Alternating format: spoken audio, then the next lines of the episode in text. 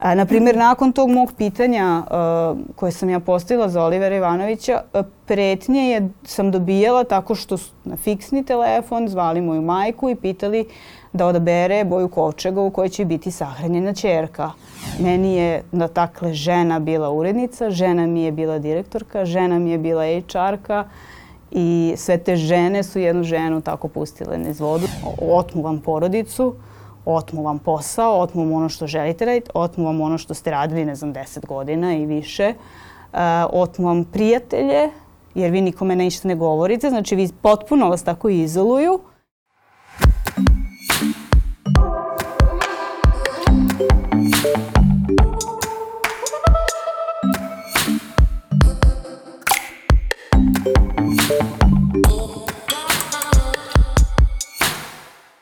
Dobar dan, dragi ljudi, dobrodošli u podcast Snaga Uma. Ja sam Miljana, ovde razgovaramo, razmenjujemo iskustva. Ja se danas jako radujem što ću ugosti jednu koleginicu sa kojom se možda i više od godinu dana dogovaram uh, da mi dođe, jer imamo mnogo uh, tema za razgovor. Novinar Koen 1, Žaklinu Tatalović, sa kojom ću razgovarati o njenim radnim iskustvima u medijima, ali i generalno u pa ajde ako tako mogu da, da kažem, toksičnim radnim okruženjima, što mislim da je jedna jako važna tema o kojoj treba da pričamo i što su iskustva koje treba da razmenjujemo. Žaki, dobro mi došla. Hvala na pozivu i tačno je da se dogovaramo više od godinu dana. Da, da, ali pre nego što krenemo da razgovaramo o, o našim tužnim sudbinama medijskim, moram da te pitam kako si se provela na sajmu vina, ti imaš buran, zabavan život, imaš posao yes. koji te vodi na razne egzotične lokacije yes. i u lo... Prelepo sam se provela na sajmu vina, da. Na sajmu mi je prelepo, da. nekad mi proradi štitna. Što je rekla Tako je, da. dinja. Da? Nekad ovaj, pa nisam probala ništa. Dakle, sve ono što su gledalci imali priliku uh, da vide uh, što smo im objavili, to je tako bilo, iako je predsjednik Srbije Aleksandar Vučić želeo da popije uh, tu čašu vina sa mnom, on ih je popio uh, niz, ajde da ne brojimo, a ja nisam popila uh, nijednu, tako da nismo nazdravili. Znači, dobro, to je kontekst, naš predsjednik voli da posećuje sajam vina. On je, kako kažem, lice sajma vina.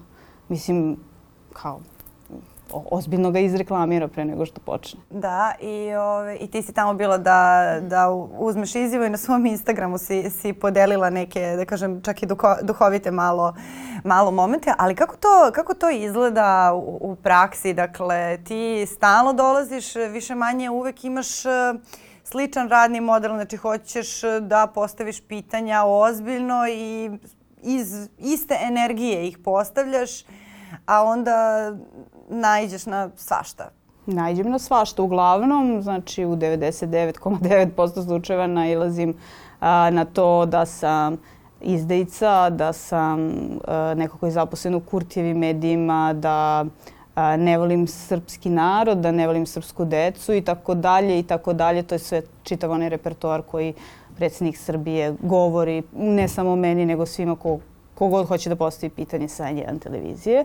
A onda se eto desi jednom uh, u, u, ja kažem, evo sad jednom u 100 godina uh, se desi da predsjednik hoće uh, da, da, da popije vino sa mnom, ali je pre toga, ajde da uozbiljimo priču, zaista dosta popio, pa je onda to primetio i predsjednik Crne Gore, pa je želeo sa njim da se zameni, pa je onda tu bilo da smo konstatovali da je predsjednik opušteniji u tim situacijama prema N1 televiziji, pa možda iskoristimo onu u vinu je istina.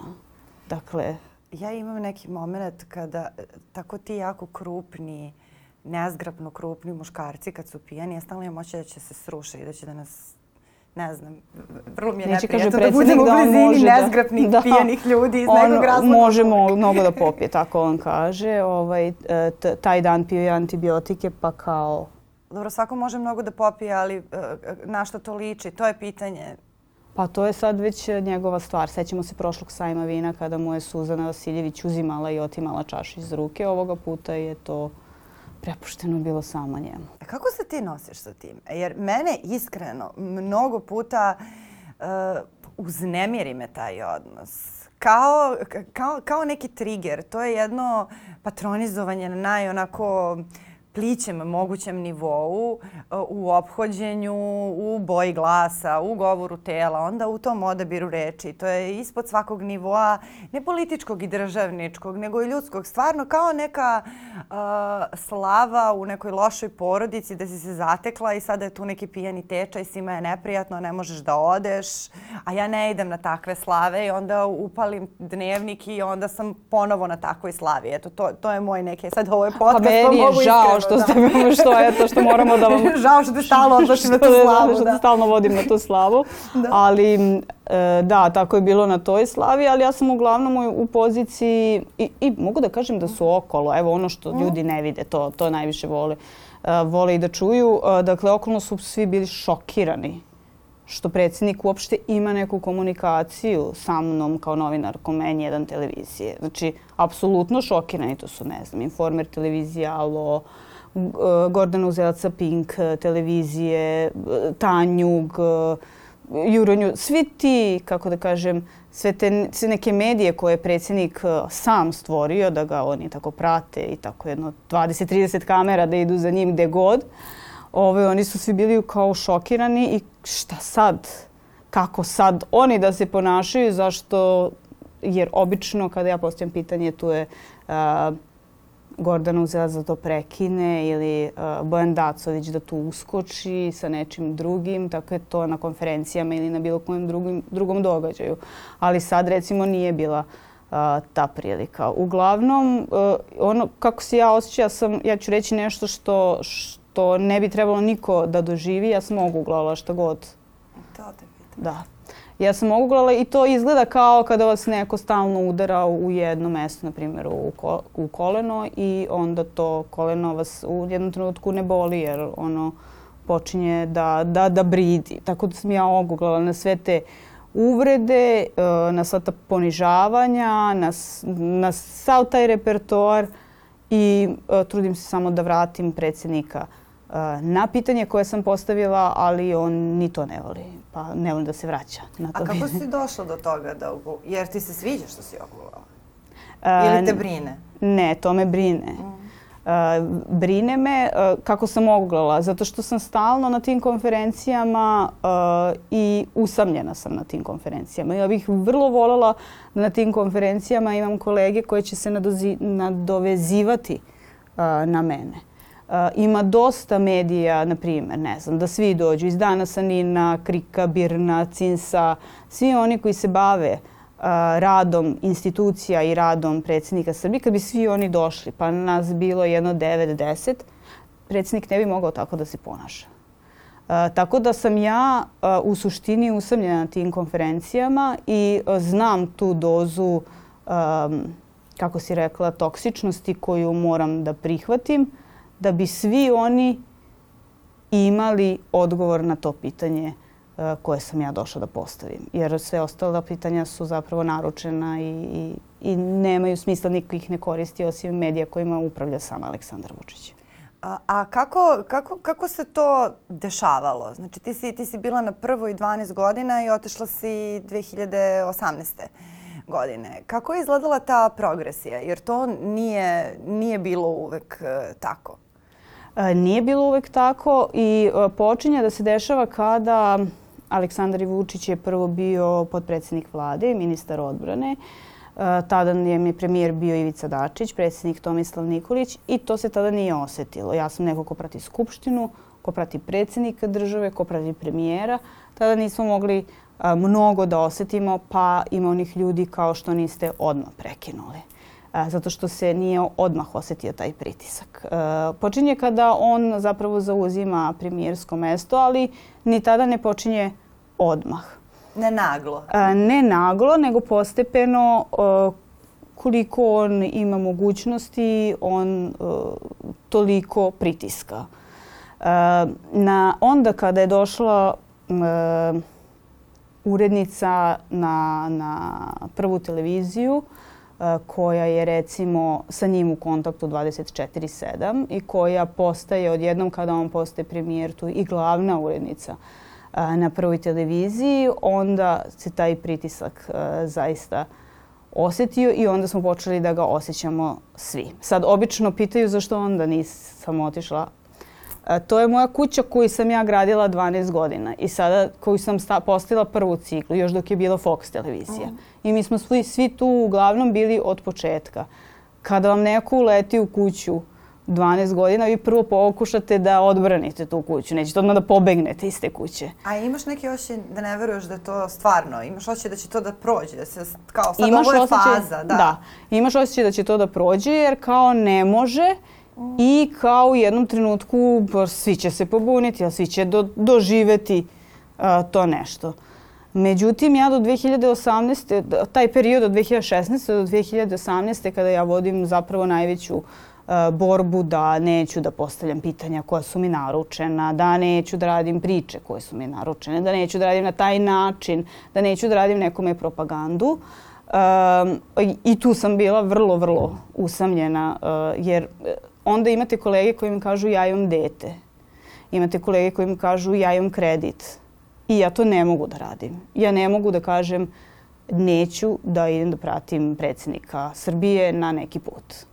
Ja sam uvijek bila ta koja je govorila neću da idem da pratim predsjednika na bilo koji put ili da radim, ne znam, intervju koji on a, zahteva i onda je bilo moraš da ideš ti jer oni traže da ideš ti jer kao hoće iskusnijeg novinara, neće nikog ko ima manje a, iskustva. Ja da se razumem, Aleksandra Vučića pratim od kad je bio opozicije u Srpskoj radikalnoj stranci pa nadalje. Znači to je sad već 22 godine. Da, da, da. Pa pričale smo malo pre da, kako ga yes. se sećamo i od pre 20 godina. Ja yes, nisam profesionalno yes. I to pratila. nije isti čovek. Nije. Dakle, on sada ovde ima na prvoj televiziji urednicu. To je žena koja je sticam okolnosti radila sa mnom na BK televiziji. To je žena ko, za koju sam, koji je mene direktor tada pitao je li okay da je dovedemo kao urednicu koju sam ja rekla da, ja ću pomoći da se ona snađe ovde, pomoći ću ako je bude neko uh, ignorisao ili šikanirao. Pomoći ću i da se uklopi. Ja sam zaista to radila da bi ona mene posle mobingovala. Meni je, da takle, žena bila urednica, žena mi je bila direktorka, žena mi je bila HR-ka i sve te žene su jednu ženu tako pustile niz vodu dok ono, ja nisam više mogla da izdržim i morala sam da odem sa televizije. Imaju i događaj, sad ćemo da pričamo u kojim se događajima radi. I bukvalno da odem na ulicu. Znači nema, sad kao prelazim negde, da, odlazim, da. Ne, nego ja se prvo borim i sa tim mobbingom i, i to traje nekoliko meseci i onda sam dobila, do, donela sama odluku na osnovu konsultacije i sa lekarima i sa advokatima da je besmisleno sve to što ja radim i da je najbolje da rađem neki drugi posao. Znači ti si već posle šest meseci da kažem, intenzivnog tog mobinga imala neke prve simptome koji su somatski, ako sam te dobro razumela. Znači, uh, fizički je krenulo da ti, da ti uteče na zdravlje. E, ne, ja to otkrivam kasnije, uh mhm. -huh. ali e, recimo prvi simptomi mobinga jesu da vam niko ništa ne daje više da radite. Aha, to je simptom praznog stola. Simptom praznog stola, to Dobre. se tako zove. E, mislim da se o tome malo priča i da, da. ljudi o tome treba a, da znaju. I e, recimo ne daju mi da radim ono što zapravo ja radim. Ja sam politički novinar i ja ne mogu više da pratim politiku. E, ne mogu više da pratim politiku od trenutka od ubistva Olivera Ivanovića i od kada sam ja postavila tada nastaje to čuveno, vi to mene nešto pitate, E, kada sam ja postavila pitanje, a vrlo dobro znamo da je Oliver Ivanović govorio da mu se prijeti, da nije to krio, pa komu je prijetio. E, tada je bio prvi e, i najgori mogući odgovor od predsjednika Srbije. Ja ne znam uopšte odakle je sve to dolazio, da sam kao ja neka medijska satrapa, ako mogu tako to da, da, da ovaj, formulišem, koja radi za neku opoziciju i šta ja sad to pitam i zašto ja sad to pitam i to je teroristički akt i ne može to tako. I tu zapravo dolazi do prve prvog mog šoka na koji način mi se odgovara na jedno pitanje. Znači, mene su probudili, rekli da je Oliver ubijen, da idem hitno na predsjednikovu konferenciju pre toga sam ja uradila onaj čuveni intervju sa premijerkom Srbije, tada je Anom Brnabić, gde sam izvadila te račune. Da, i čak od penzije. I, te, I da. ček od penzije i, i čuveno to pitanje koliko ostaje. Znači da to je sve bilo na prvoj televiziji, dakle ja nisam prihvatila da sada ja idem da radim intervju, jer bukvalno sam pitala, ali ja mogu da pitam sve. Znači, evo ovo nikad nisam pričala. Mogu da pitam sve Anu Brnavić, gde mi ta urednica odgovora, možeš, ona nije član Srpske napredne stranke i za nju nas baš briga. Međutim, kad sam ja sve to uradila, ona nije dala da se to emituje. Pa je ta čuvena priča, to sam već govorila, pa smo mi radili dva intervjua. Jedan u kojem imate taj deo, pa jedan u kojem nema taj deo, pa smo slučajno pustili taj intervju 6. januara u kojem ima taj deo, pa smo onda išli na razgovor svi mi koji smo radili taj dan. Pa sam ja onda četiri sata provela na razgovoru sa njom, da to tako ne može. A kako izgledaju ti razgovori? A ti razgovori... agresivno, da. pasivno agresivno? Ti, ti razgovori izgledaju tako što čim uđete u kancelariju, ona vas pita ste vi normalni. Di si ti normalna? Jel ti znaš šta radiš? Jel ti znaš ko će sada mene da zove? Jer ti znaš da sam ja pre neki dan provela šest sati u vladi Srbije zbog tebe. Jel ti znaš da on više to neće da čuje? I kada pitate ko je on, i da kada kažete da vi to ništa ne znate, kako mogu ja to da znam, ona, onda vam ne dobijete odgovor ko je on, zašto i dobro ko je on. A, dakle, onda ja odlazim u HR, jer nisam e, u razgovoru sa kolegama, vi shvatite da su neki kolege već išli u HR. I kao idi, oni već sve znaju.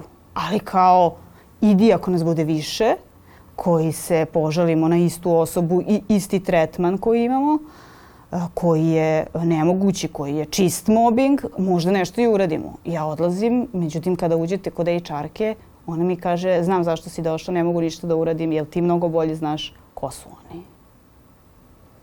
Uh, I tako nekoliko puta, dok na kraju ona meni nije rekla, uh, vidi ti si politički nepodobna za ovu televiziju i to je odlučeno sa vrha i ja, moj predlog je da se ti spasiš i odeš odavde. I ja sam zapravo tražila da pređem u neku drugu redakciju. Da pređem u eksploziv, u ekskluziv. Znači nešto što zapravo ne radim. Da pređem kod Ivana, da radim samo sa njim, pošto sam ja radila iza njega kada su političari bili u pitanju. Ne, kod nije, Ivana Ivanovića. Da, kod da, Ivana Ivanovića. E, ne, nije bilo nikakvih mogućnosti, ali nigde nije bilo mesta. I to je to. Znači oni vas bukvalno dovode do toga da ili ti više nećeš raditi politiku ili ćeš moći da se pokupiš i da odeš jer je tako stiglo a, sa vrha. Te sam ja onda odlučila ajde kao više neću da radim politiku. I onda odlazim na onu čuvenu deponiju a, gde tada su bili beogradski izbori. E, ja odlazim na deponiju kod Pančevačkog mosta, tamo radim priču, odlazim u Vinču, tamo su me ljudi pustili, ja se vraćam, pravim priču. Posle emitovanja te priče meni stigne njen poziv ponovo da dođem u kancelariju gdje mi kaže, jel tebi to Đilas rekao da ideš da radiš deponiju?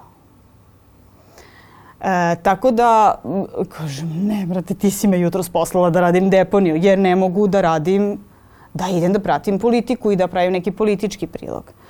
E, onda je stiglo to najgore što je, što, što je meni ostalo u sećanju jeste, jel ti znaš da na svojim leđima nosiš dve televizije, to su sad tada bila prva i 90 dvojka. Da. I da ako tako nastaviš, da radiš kako ti misliš da treba da radiš, da mi nećemo dobiti platu. Da će da se, da nam neće da ti reklame više. E, to je nešto što viš, u tom trenutku ja ne mogu nikome da e, kažem ja to ne mogu da, da kažem ni kući svoje mami. Ja to ne mogu da kažem ni, ni svom okruženju.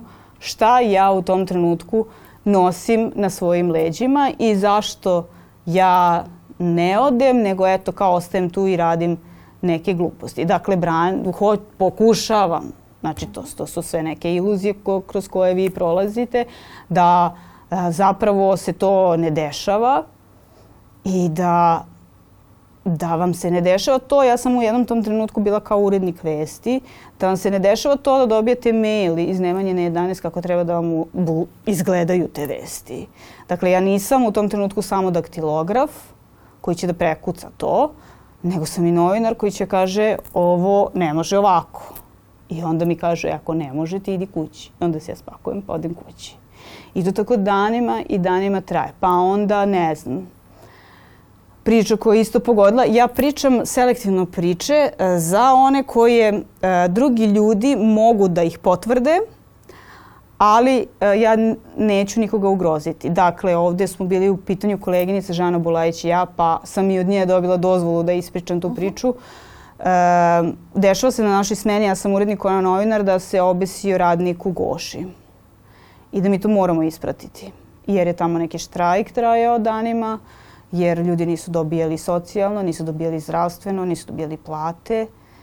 I mi smo to uradili kako je trebalo u dva sata u šest sati je došla naša urednica i rekla to više nije vest. Znači to više nećete, povuci Žanu sa terena i to više nećete nigde objavljivati.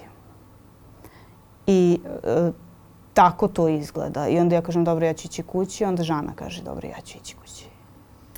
A, je to jedan osjećaj usamljenosti u tim situacijama dok kada da. ti kaže e, nosiš na svojim leđima to je u stvari ona izolacija nasilnička yes. i ti dok si govorila, mi sad sve vreme govorimo o medijima, ali nekako sve vreme imam očaj da, da, da sa tvojom pričom može da se poistoviti možda da strašno mnogo ljudi iz javnih preduzeća, raznih, mm, da, da, da uopšte zato nije ovo izolovano jeste... na, na medije, samo je možda drugi, drugi fazon, ali da, Apsolutno je da to, to, to sporo žabe i taj da. osjećaj identično. Znači, da meni je neko tražio, problem, da. da. meni je neko tražio da ja postavljam određena pitanja. Danas neko nekome traži da skuplja kapilarne glasove. Znači, to je identičan osjećaj. Da vam traže nešto što nije vaš posao. I što vi neće, što vaše e, telo, vaša unutrašnjost, vaš um ne može da, da, da podnese i ne može da iznese onako kako je neko drugi zamislio. Dakle, kako neko drugi ima očekivanja da ja treba da radim. Mene tome nisu učili, nažalost, tih prethodnih 20 godina, odnosno 18. E, I e, nisam ja sad prvi put došla u kontakt sa svima njima. Ja kažem, ta urednica mi je u kuću dolazila. Dakle, radili smo dugi niz godina zajedno. Ja pratim tog Aleksandra Vučića, odnosno Srpsku radikalnu stranku, pa Srpsku naprednu stranku od kad sam imala 18-19 godina kad sam počela da radim. Dakle, ništa to nije kao je sad se to desilo. Znači, to se sve postepeno, uh, postepeno dešavalo. Ja sam onda rekla, ok, ajde, nećemo raditi ni te deponije. Međutim, mi smo uvek na, na prvoj televiziji, to je interesantno, uh, imali, pošto je vlasnik bio Grk, mi smo uvek imali nekog Amerikanca ili Engleza koji je bio supervizor. I oni ne znaju sad to šta se dešava i nemoguće je bilo kome sa strane, ja mislim, i dan danas objasniti kako je to i šta se dešava. Da. I oni kažu da, ali nama je na toj deponiji na vestima bio pik i mi hoćemo da ti to nastaviš da radiš. I onda traže od nje da ona to nastavim da radim, ali ona to ne da da ja radim, jer sam ja išla navodno po njenom da ja tamo deponiju radim zato što me neki političar tamo u tom trenutku Dragan Đilas nije ni bio političar. Znači, potpuno jedno opšte ludilo gde se vi nalazite između dva bubnja i ovako, znači, kao da, da vas udaraju sa svih strana. A, na primjer, nakon tog mog pitanja uh, koje sam ja postavila za Olivera Ivanovića, pretnje je, sam dobijala tako što na fiksni telefon zvali moju majku i pitali da odabere boju kovčega u kojoj će biti sahranjena čerka. Ja to nikada do sada nisam uh, izgovorila i gde ona mene pita da li ti uopšte to govoriš na televiziji, da li ti imaš podršku sa, tele, na, sa televizije. A ja na televiziji doživljavam pakao. Dakle, ja ne mogu njoj da kažem ne. Mene tamo hoće da oteraju. Vidi, ako se to sutra desi, možda se i desi. Da, to je. I, I onda di, nemaš nikome ni da kažeš, nemaš, znači i ti to, taj teret sav nosiš jedan period sam. Onda sam, ne znam, uradila priču s paratekvondiskinjom koja nema šake i stopala, koja nije dobijala nagrade, one uh, novčane na vreme. Devojka sa krilima? E, nije, nije, ne, ovo je druga. Je, znači, naša paratekvondiskinja koja recimo ima tri zlatne medalje uh, u nekom posljednjem uh, trenutku kada mi radimo tu priču, ali ne može nikako da naplati. I uh, jako je krivo što, na primjer, ne znam, šarkaši, vaterpolisti, uh, svi oni dobijaju novac odmah dan s dan. A ona to ne može. Ona preda sva dokumenta u ministarstvu uh, za sport i omladinu i ne dobije to. I da bi izdržavala svoju majku i sebe, ona mora da pere sudove. Ja napominjem da ona nema šake i stopala. Mora da pere sudove u jednom restoranu. Dakle, naša zlatna paratekvondiskinja. Nakon te priče je bio opšti haos da uh, kako je meni to tada rekla, uh, ne može ništa više se objavljuje povodom te devojke jer on ne želi da je više vidi na ekranu. Njoj je preko noći isplaćeno sve iz Ministarstva omladine i sporta. Ja sam bila u komunikaciji s njima, ali ne mogu znati sve to da nemam dokumenta i da nisam potkrepljena svim tim. Uh, su mene zvali da, se, da, da mi kažu da se u sred noći vraćaju, da odrade i da će njoj biti isplaćeno za posljednje tri medalje koje je osvojila novac. Nakon toga je normalno da uradiš priču. Ona je želela da uradi priču sa mnom, da se zahvali na svemu tome. Ne, to nije bilo dozvoljeno.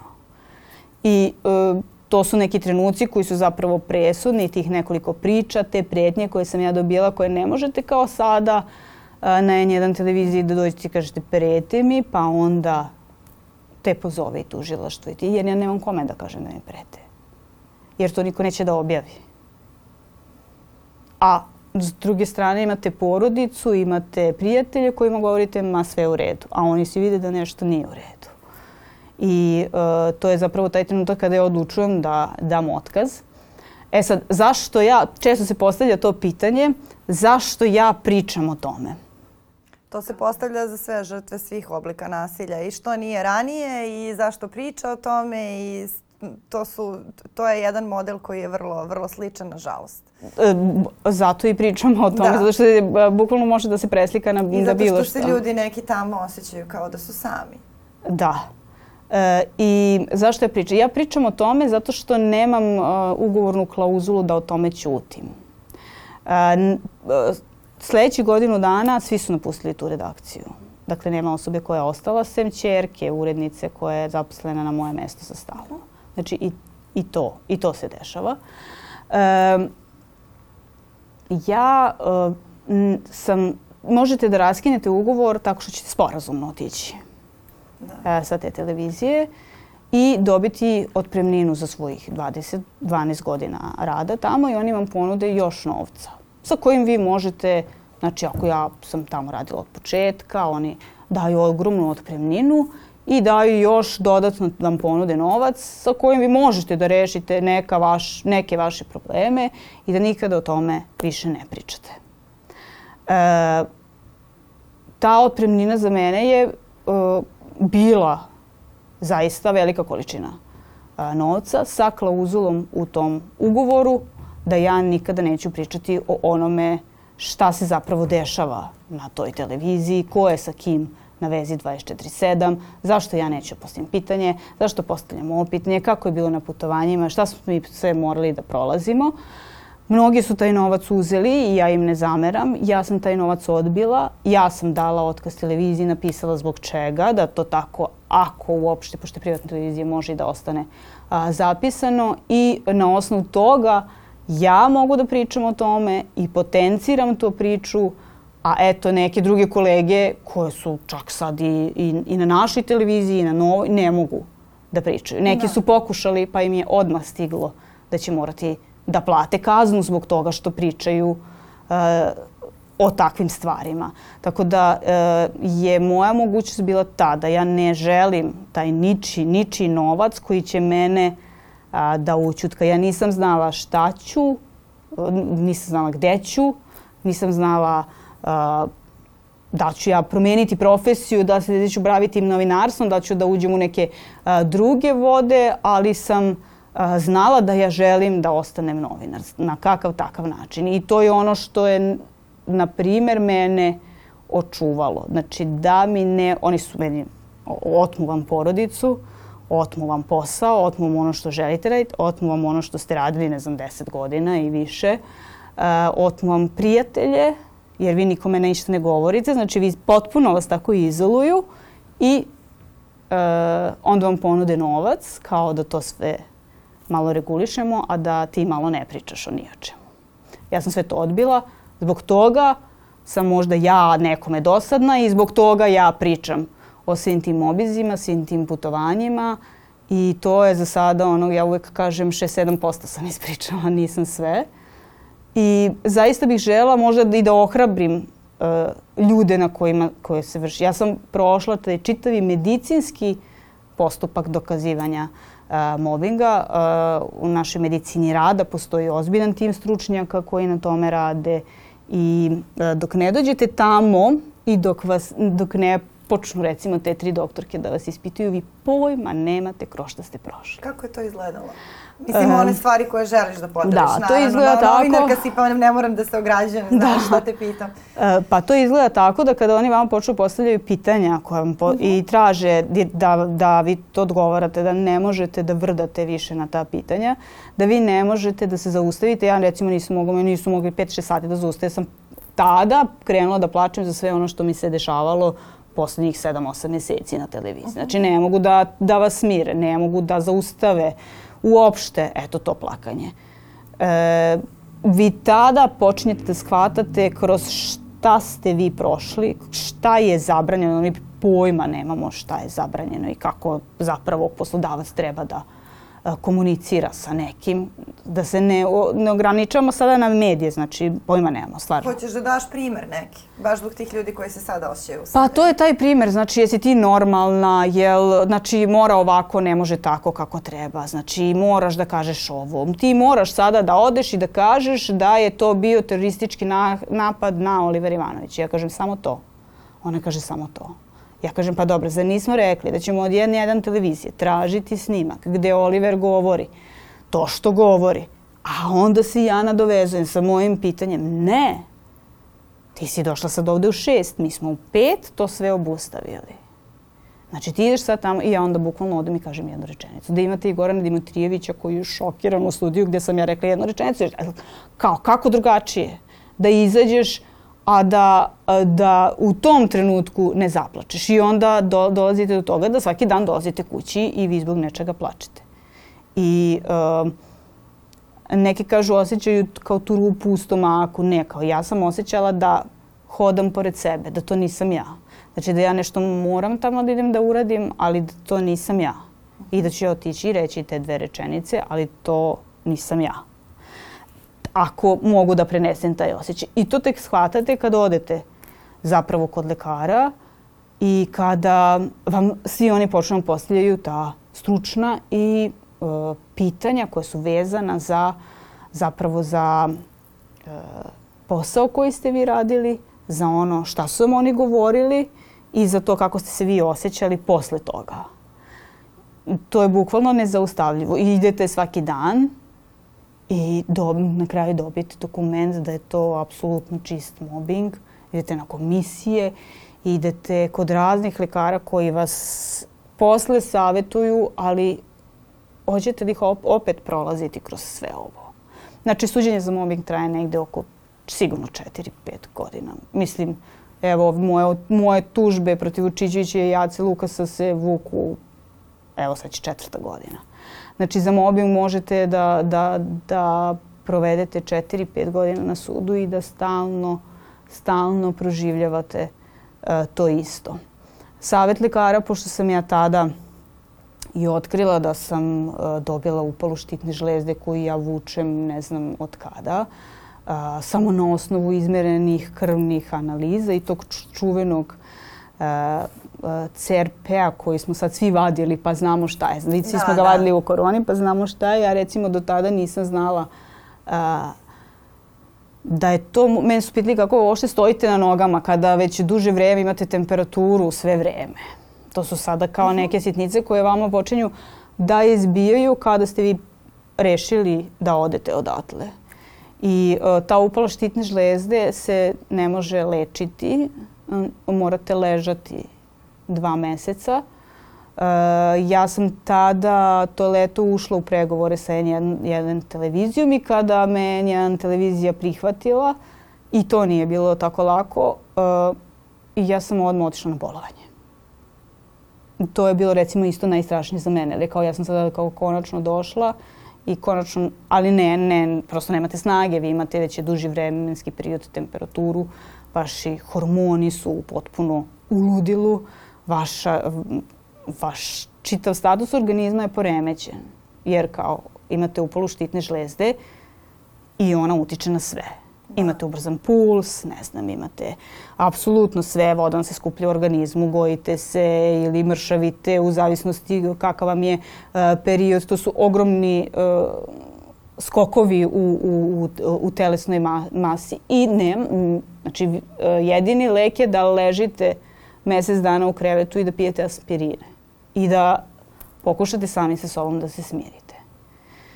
I eto, na, na, na, ovaj, na na sreću tih nekih doktora koji su eto ulazili tako u, u moj život nakon toga mog otkaza.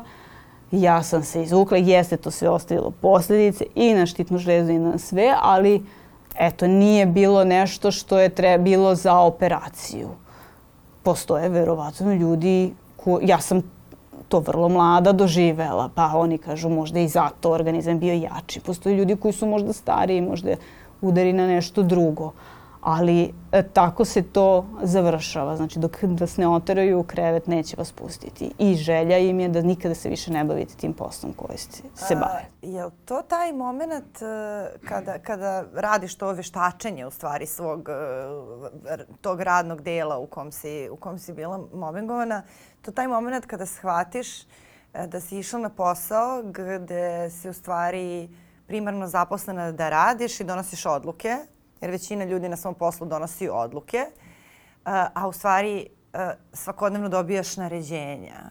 I kad se setiš da su ta naređenja nedopustiva, a, da si se navikla na njih. Ne u smislu da ih izvršavaš, ali da si navikla da su ona tu. Pa da, vi u tom trenutku uh -huh. kada mhm. dobijate ta naređenja ne, uopšte ne shvatate da to ne sme. Da. Ne, ne, nego da to ne sme niko uh mhm. -huh. da vam radi ja to nisam znala dok ja, znači to tako mora. Vi kao ste zaposleni u privatnoj kompaniji koja je odabrala sad tu neku osobu koja ima tamo a, na vezije sa premijerom i kao šta sad, kao to tako mora. Da. Ne može drugačije. Ako ja probam drugačije, a nije da nisam probala, eto probala sam, bar sam ispričala četiri, pet stvari, a ima ih još, nego ne mogu da ih iznosim jer bi možda nekome sada nanela uh, ovaj, uh, da ima neke posljedice zbog toga. Uh, vi tad nemate pojma da to ne može, da to ne sme, da, da, da, da HR služi za to da on vam ne kaže sa vrata znam šta ti se dešava i ne mogu ti pomoći, nego da da to uspe da, da razreši, da, da, tako u normalnim kompanijama, ako ništa drugo da vas sasluša. Ne, znači ta žena je služila tamo samo da piše otkaze i te otpremnine i da povećava cifru u zavisnosti ko je na kojoj poziciji. A, e, ti si ta generacija koju sam zakačila i ja, a, gde postoji ta neka mreža novinarska koja prevazilazi jednu redakciju. Dakle, kao esnaf, ko taksisti. E, jesi se osetila otkinuto da, od kolega u tom periodu? Jer mislim da je to isto jedan primjer da se ti sad osjećaš kao, ok, ja sam sada ušla u ovo I čak se brinem da i mnogi ljudi u javnim preduzećima koji, koji su ušli u nešto imaju taj osjećaj da su se sad odvojili od svoje zajednice, od svojih kolega, da su oni sada tu i da iako izađu će biti sami i da kao ajde možda bolje da ostanem jer ovako makar imam platu, ali ako izađem da te ubede da si ništa.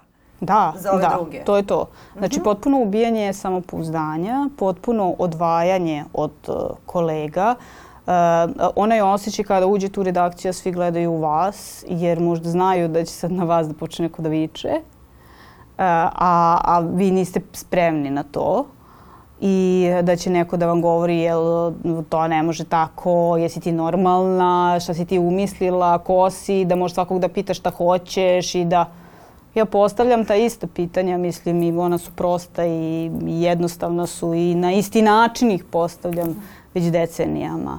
Um, možda su sada ona došla do izražaja zato što je bukvalno sve uh, ubijeno i postoje eto tako te dve, tri svetiljke uh, u N1 Novan, portal Nova, portal N1 danas. Ali um, ja ih postavljam uvek na, na isti način. A što me sad zanima? E, Ti i onda ste prošla- potpuno odvojeni. Sve, sve, sve, sve odvojeno. Nema, nema niko ko će, a, znači vi sedite sami. Kako da kažem, ja dođem i sednem Ručaš sama, sama, ručam sama, ne, e, ljudi se plaše da komuniciraju sa vama jer šta ako neko pomisli da vi ne komunicirate o garderobi, nego da komunicirate ne znam nija šta, jer kao sve je u staklu i sve se vidi. Eto. Znaš šta me sada zanima? Uh, ti si znači, prošla kroz jednu fazu ekstremnog mobbinga. Ja sam isto imala iskustvo mobbinga uh, ovaj, na poslu i znam da sam imala neku vrstu posttraumatskog posle toga. Znači, kada sam prešla u sledeću redakciju uh, u, u kojoj je, su međuljudski odnosi bili dobri, meni trebalo bar dva, tri meseca recimo da se ja osjećam opušteno da, da pričam na kolegijumu, što nikad meni nije bilo problem, jer su pre toga na kolegijumima uvek bile ti strašne, strašne svađe koje nisu imale veze sa politikom, samo su bile stvar prosto takvih, takvih ličnosti. Uh, i, I mnogo je manje, mnogo je manja bila, bila tenzija, ali sam opet imala te takve, takve posljedice.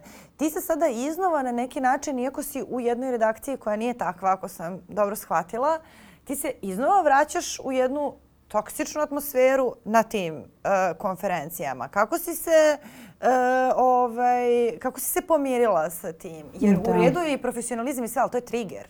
Mislim, ne, ne, meni odavde deluje kao da je trigger, Da, izvini. znam. Mislim, meni bi bio trigger, zato te pitam, ne pitam, ne E, pričam da. sada kao na nekom stručnom nivou, nego prosto, brate, ako mene triggeruje da te gledam, onda ne znam kako tebe ne triggeruje. Da, što se tiče redakcije, ja sam e, imala tih e, dva, tri meseca gde dolazim i pitam jel može ovo? Da. I gde mi svi govore radi kako misliš da treba da radiš. Da, znači da, da. nema ovde može, ne može. Znači ako se to desilo, to se desilo i to ide tako. A, I stvarno mi je trebalo da se naviknem e, na Da. to. da se dekontaminiram, ja to tako Jeste, govorim. jeste, to je Jeste. bukvalno. Ja sam bio Igor Radosavljević, izvini sada, ovaj, psihijatar uh, iz Laza Lazarevića.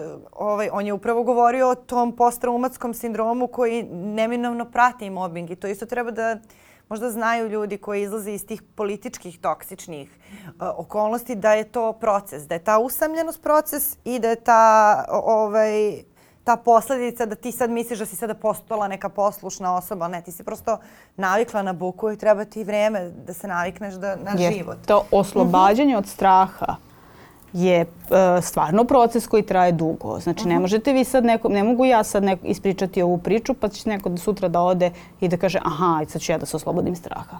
To je proces koji traje i koji moraš da rešavaš sam sa sobom, ali možda priča da, e, da si ti u, nekoj vrsti pritiska i da si u nekoj vrsti mobinga i da, e, i da to ne sme nekome pomogne da se prepozna jer ja tada nisam znala da sam ja u svemu tome. Znači, ne znate, vi idete s puta, ja odem u Rumuniju i vratim se pre nego kolega iz centra grada. Ta, taka je bila vrsta mog posla. Znači, ja ulazim u taj avion, putujem i vraćam se istog dana. Niti znam gde sam pošla ili šta sam došla, kamo li šta sam rekla u svemu tome. To prosto nije normalno, ne samo fizički, nego u potpunosti i psihički. Uh, I uh, potpuno je to odvajanje od, od, od redakcije i potpuno potrebna za jednom dekontaminacijom. Ja čak i danas prepoznam sebe gde kad priđem nekom uredniku i kažem jel može ova rečenica ovako? I oni su svi kao da, ti ćeš stvarno da ti kažem, ali ajde neko nek pročitaju vas troje četvoro ipak za svaki slučaj.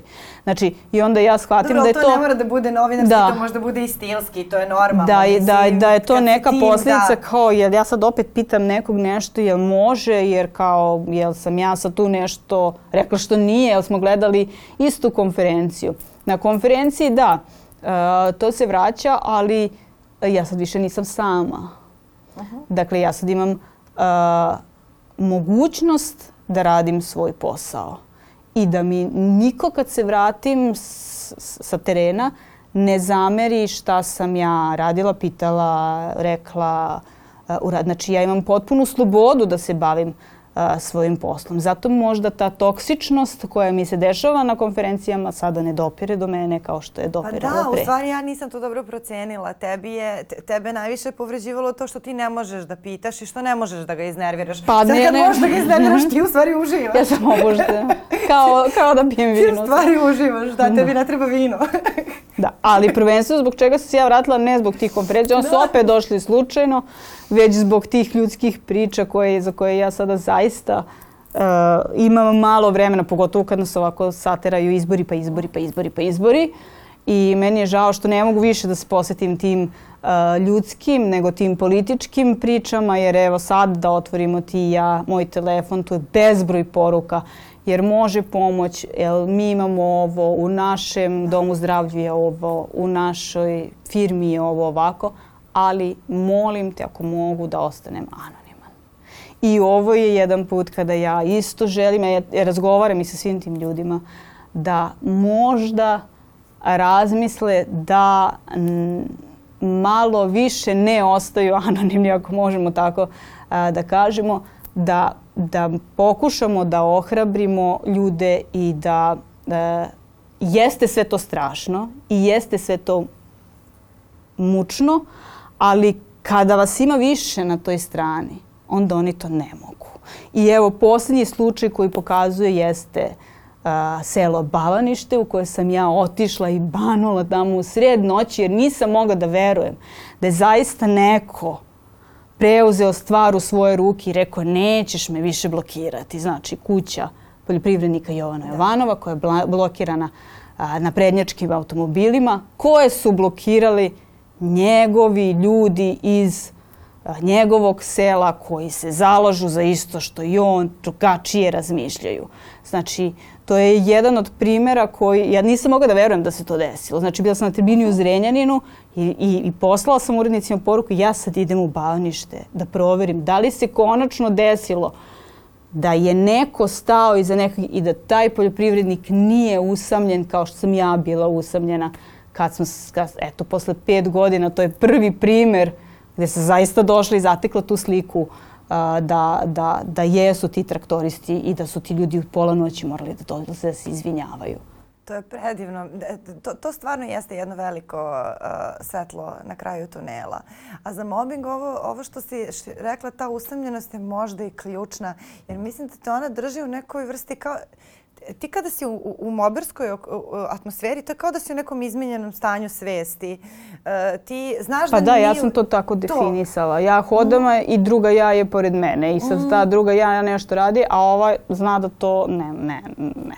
Da, a uverena si da nema izlaza. Mislim da ta izmenjena stanje svesti, ajde taj loš osjećaj, u redu. Ti si u lošoj situaciji, loš se osjećaš. To je u suštini prirod, mislim normalno je da se loše osjećaš kada ti je loše, ali nekako mislim da to izmenjeno stanje svesti je taj osjećaj da izlaza nema, da si sama i da si apsolutno odbačena. Ali to nije pogrešan To. osjećaj. To je to. Ti nemaš. Ti ako hoćeš da se baviš tim poslom, ti nemaš gde da se baviš tim poslom. Ti u tom trenutku nemaš, kao i u ovom trenutku, nemaš gde da se baviš. Znači, možeš ti, ne znam, ja, da, da, da, pišeš knjigu kako se postavljaju pitanja i da, ne znam, najsjajnije postavljaš pitanja, ti ne možeš jer je sve i dalje zatvoreno. Dakle, ali eto, ako nekome može da pomogne, to je taj slučaj u Bavaništu gdje eto posle pet godina ja prvi put primetim da neko zapravo zaista nije sam. I to je možda najbolji način da se, da se, to, da se to pokaže, da se pomogne ljudima. Ali meni se čini da je sve vreme dok, dok govoriš, jer se baš, baš ti trudim jer su mediji opet i meni bliski i ne želim da se, da se ograničimo na medije jer je ovo mnogo šire. Ovaj model ponašanja o kom si govorila se stvarno dešava ovaj, eh, u svim sferama.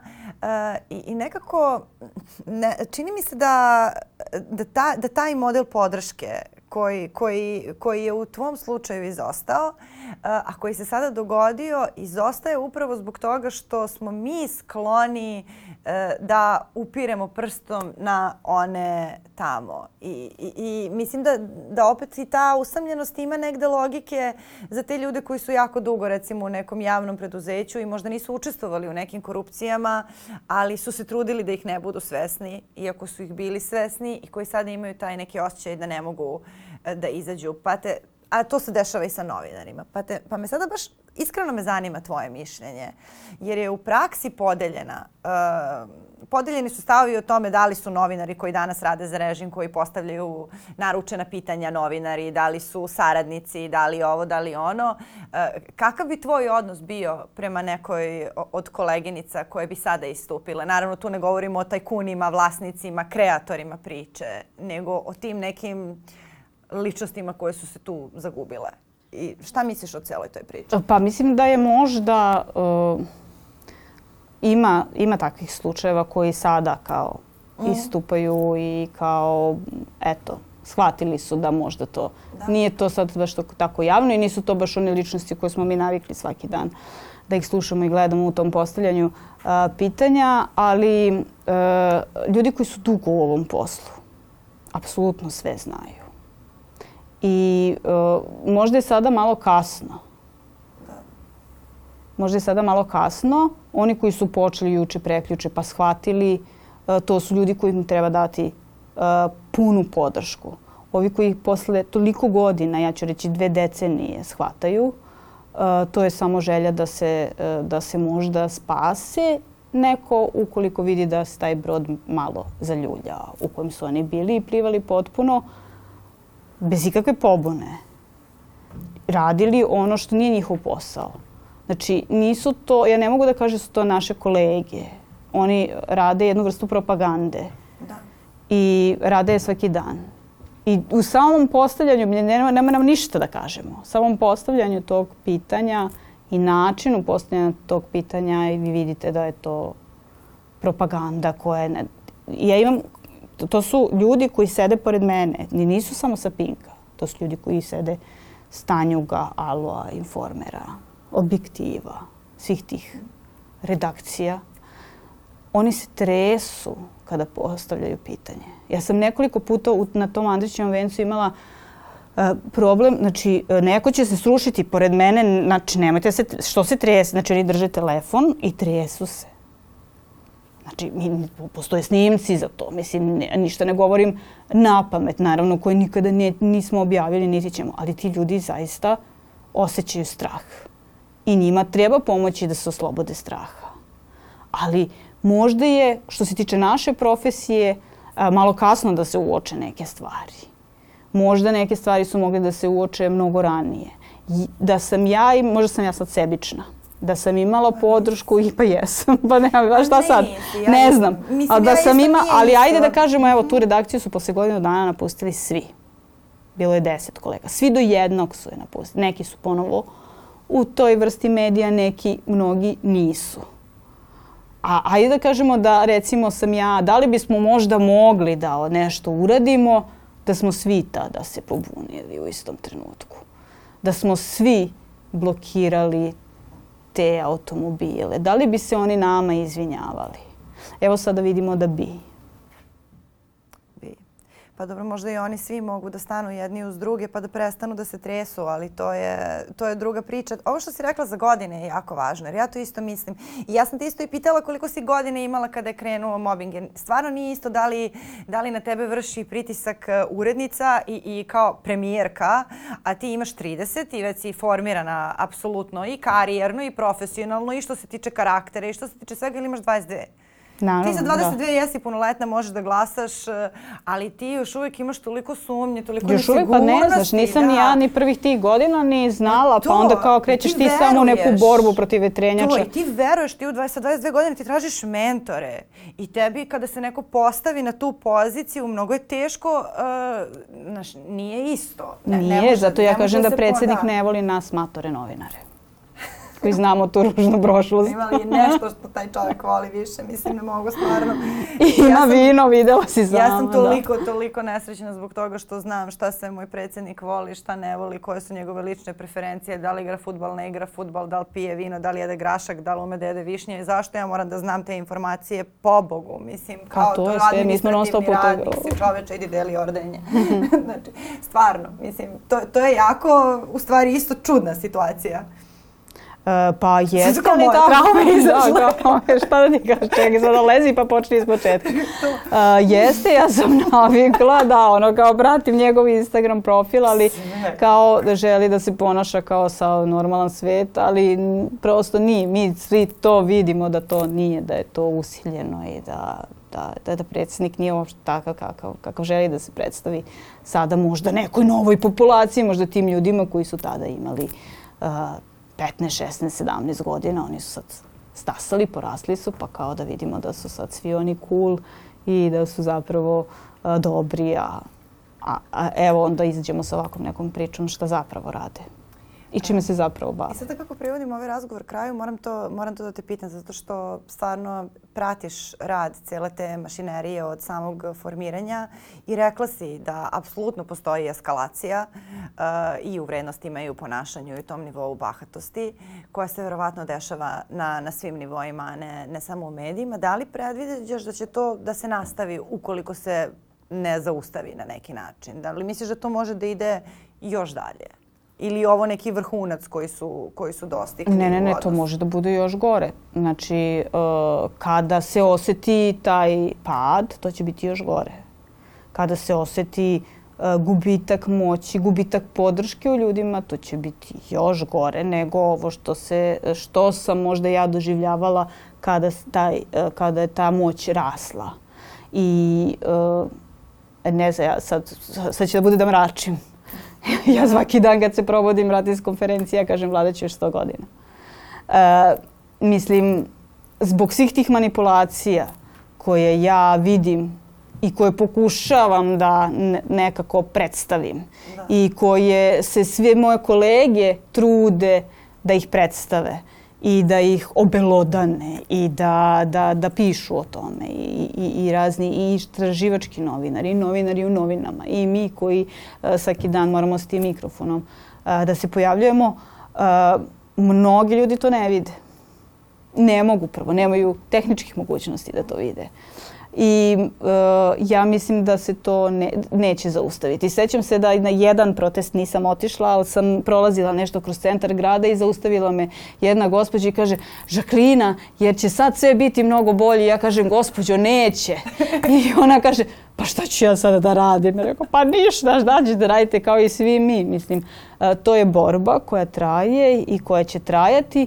Eto, ako izađe što više ljudi na glasanje, možda će se ona malo poremetiti i to je to. Malo po malo mora da se, da se remeti. Ne može ona trajati večno, ali ja ne mislim i da će se završiti sledećeg meseca.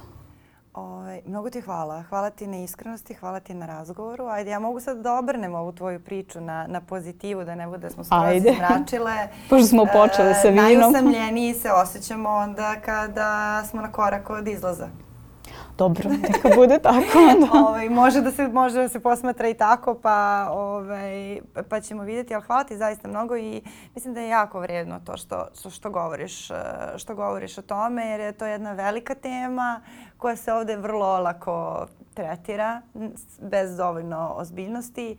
Mislim da je tek u začetku i mislim da, da je ovo što si rekla značilo mnogima i da znači mnogima ne samo u mediju. Nadam se da se vidimo ponovo. Vašim.